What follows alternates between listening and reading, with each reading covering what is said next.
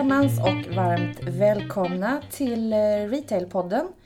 Eh, det här är en podcast om eh, handelsforskning framför allt. Och den görs av SIR vid Högskolan i Borås. Och jag heter Pia Johansson. I förra avsnittet så hade jag en sidekick och som av en händelse har jag en sidekick idag också och det är Anita Radon. Hej hej! Kul att eh, du kunde komma idag också. Tack för att jag fick vara med vid sidan om igen. Underbart.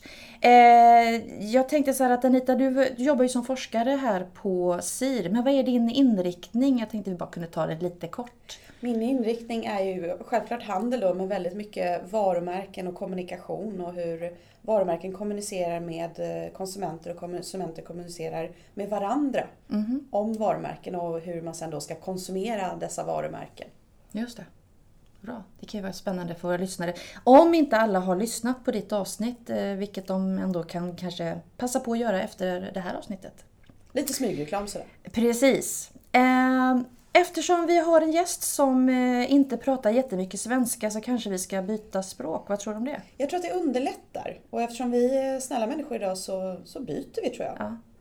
So then we're going to talk in English, and I'd like to welcome Mr. James Reardon, a professor in marketing. Welcome to Retail Podden. Thank you very much. It's good to be here.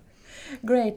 Uh, there might be some people out there, our listeners, that not uh, they're not sure of who you are. So could you please tell us a bit who you are and what you do and where you're from? Certainly. I'm yeah. a professor in the Monfort College of Business at the University of Northern Colorado. I also hold a part time position at Vilnius University in Lithuania, um, as well as the HIT professor of marketing down in Ljubljana, Slovenia. Oh. So I enjoy traveling, obviously. Yeah, and, you do. Uh, you may. Yes, yeah. So.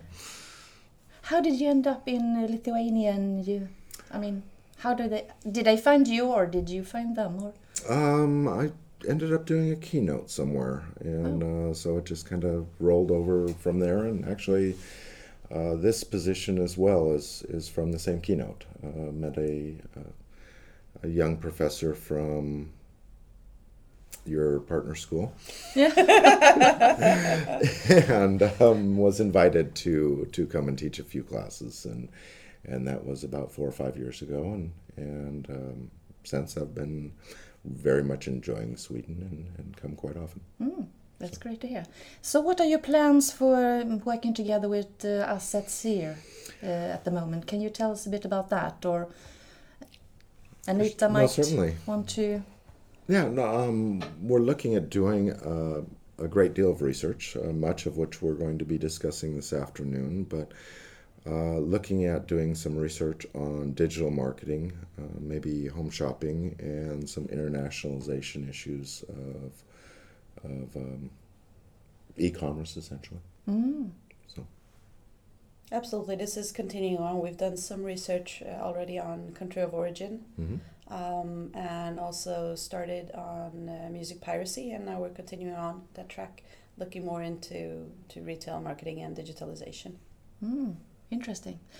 You talk about e-commerce. Uh, have you studied that for a long time? Have you done a lot of research within that area? Not a lot. Um, I did work for a home shopping company. We started a television shopping company. Oh yeah. Um, mm.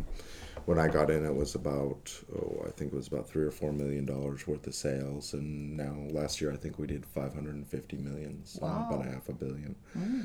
Um, started the website long ago to get rid of just the excess inventory that we couldn't put on TV because yeah. it wasn't enough quantity. And it turned out that um, actually today the website does about 120 million, and and it's uh, one of the top 150 websites, e-commerce sites in the world. And wow. I wish it was actually mine now. Oh, so it's not yours. What a pity. Yeah, yeah, yeah. I wish I would. We built it in the basement in the bad old days when oh, you, you had to program everything by oh. HTML. They actually didn't have a computer in the office that, that was capable of it. So I actually literally put did it in my basement. So. You did? Uh-huh. Oh, that's interesting. it looks nothing like what we put up 15 years ago, but it was. Yeah. It has changed quite a lot, the e commerce businesses. Uh, what do you see is the most challenging for the e commerce companies these days? The entry, um, the entry is very easy. I, I, you know, a monkey can put up a website and sell things, and it's very easy to you know get things on on terms from vendors, so you don't have to pay for them, and and it takes very very little to you know very little investment or time uh, time or whatever to actually put together a an e-commerce site. So the competition is horrendous. I mean, when we put up ours, eBay was up and a few others, and Yeah. that was about it. So it's very easy to get traffic because, well, we were about the only ones there. Yeah. Um, last estimate I saw was 40 billion web pages or something like that. Um, so it, it's a lot of pages. yeah, it's It, the competition is is horrendous. It's easy entry. It's low cost, and Mm-hmm. and everybody and their dog thinks that they can put up a website and make a living at it. Mm-hmm. Um, and you have a lot of people encouraging that. So Yeah. it's it's it's a very difficult space to do business in. So do you have any ideas? What can we do? What kind of marketing do we need to do in order to uh, get the web page seen out there? It's the same as a physical restore, a physical store. You either have to locate somewhere, in this case, virtually somewhere, that you're going to get a lot of traffic. Um, you know, be the back end for Amazon or something of that nature, or you need to generate and pay for your traffic. Uh, so you either have to um, buy your traffic or buy your traffic. It's it's an expensive proposition to get people to come to your page, and then you have to offer something unique. And with 40 billion pages, it's a little bit hard to offer something unique anymore. It is. But those that do are, are multimillionaires on yeah. The, the life cycle of a company is shortened dramatically. It used to take forever to build a company the you know of reasonable size, and now it's overnight somebody's a millionaire. Yeah, So that's true. so it's hit or miss. It's kind of like being a, an actress in Hollywood. Nine percent of them are waitresses, but the one percent that makes it uh, does exceptionally exceptionally well. Oh, that's good. Similarity, yeah. You've been into marketing. I think you've been into direct marketing. I've been working with direct marketing. I used to work at the Swedish Postal Service, and direct marketing was one of the things that I work with quite a lot. Uh, do you still do uh, research on direct marketing? And, Some, Yeah. um, and that's what we're looking at expanding here. Is is that stream of research? Most of my research, as of late, has been international, other international issues. yeah, Um, so we've we've worked on ethnocentricity, country of origin, um, and and areas in that uh, measurement issues and, and some rather academic uh, research issues, measurement and and such. But um, looking into getting back into something more practical and and potentially useful. yeah. Yes, would be. Is direct marketing still working, or It's changed. I mean, It obviously, uh, it's it's no longer a Sears catalog. No, it's not. Um, No, no, yeah. that's true. yeah, no. They they went into business with another winner, which is Kmart. Um, so they merged when they were. One of them was in Chapter Eleven bankruptcy. you put two wonderful companies together like that, and I don't know what you get, but it's not been horribly successful. No. Um, so uh, it's changed. You, that you can't rely on older models of, of direct marketing. The post office, the catalogs. Uh, you know, it's not a dinosaur, but it's really close. It's, it's not completely extinct, but you still have you know uh, catalogs to the elderly or people that don't. You know, like my father, we don't allow him to use the internet. It's a, just a bad idea. Um, so you know, Yeah. but it, it has changed the the speed at which things move, the innovations coming out. Um, you know, I, I feel almost pity for those that are in the IT department because things are changing so quickly. I have no idea how they keep up with what's going on in, in their industry and and their jobs. Um, we were talking to the webmaster IT person for a company called Stayhard yesterday, and I, I told him, I said, I have no idea how you keep up with everything that's going on, you know, all the things and more or less the operational issues, just It the is. technology. So, um, so yeah, it's it's. I think the industry has changed. It's going to change again. Yeah. Um, it's amazing that uh, what if the iPhone's been out what eight years? I think it is something like that. Yeah, I think I, think it's something like that. Yeah. So, you know, now people don't go anywhere. I mean, all, all four of us have, probably have a phone. I see your phone within Yeah, reach. I have two of them beside me here. Yeah, and, I and I was without already told to turn mine off, turn the volume off. I mean, we don't, you know, the, it, it becomes, it, she didn't say, you know, do you have a phone with you? She said, turn the volume off on your phone. True. We just assume that people they have, have. and and so it's become a, a lifestyle. I mean, our, our students, if you tell them they can't use the phone during class or, or Mm. they just had come out with these little tears, it's like, oh my, you hurt their puppy or something. That's Yeah, that's true. so mobile marketing um, and and mobile platforms are becoming, of course, much much more common. And the idea of a computer is, you know, uh, desktops.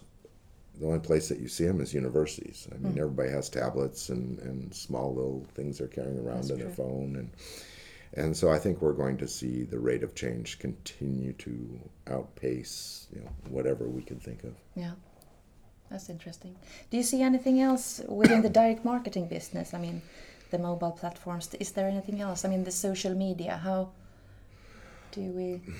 There's a, a book by Mendelson, which uh, probably is an appropriate title. Um, social media is, is bull something. And the idea is that social media is just another media um, that we're using. It, it has different aspects, uh, just like every other media. Um, but the idea that it's going to, I see this idea that everybody is going to save every company, and you're just kind of laughing because it's just a media. Um, putting up a Facebook page is like putting up a web page. Everybody does it, but it's not going to save you if you don't do it well. No, true. Um, so we see a lot, just like we did in the old days with mail. People would throw out mail and just dump it into the system and hope for the best. Um, that's true.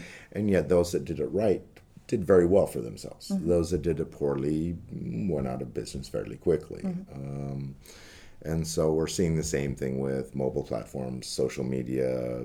You know, it's it's it's a great way to engage your customer, but when you do it poorly, you really do it poorly. I mean, it, it makes you look bad. I think it was um, was it EasyJet that was trying to respond to every single uh, customer issue that came in. Yeah. They gave an individual response, but the I think it was actually email, but they were farming out their email somewhere and, and cut copy paste, and so some of the responses may not have been well, ideal.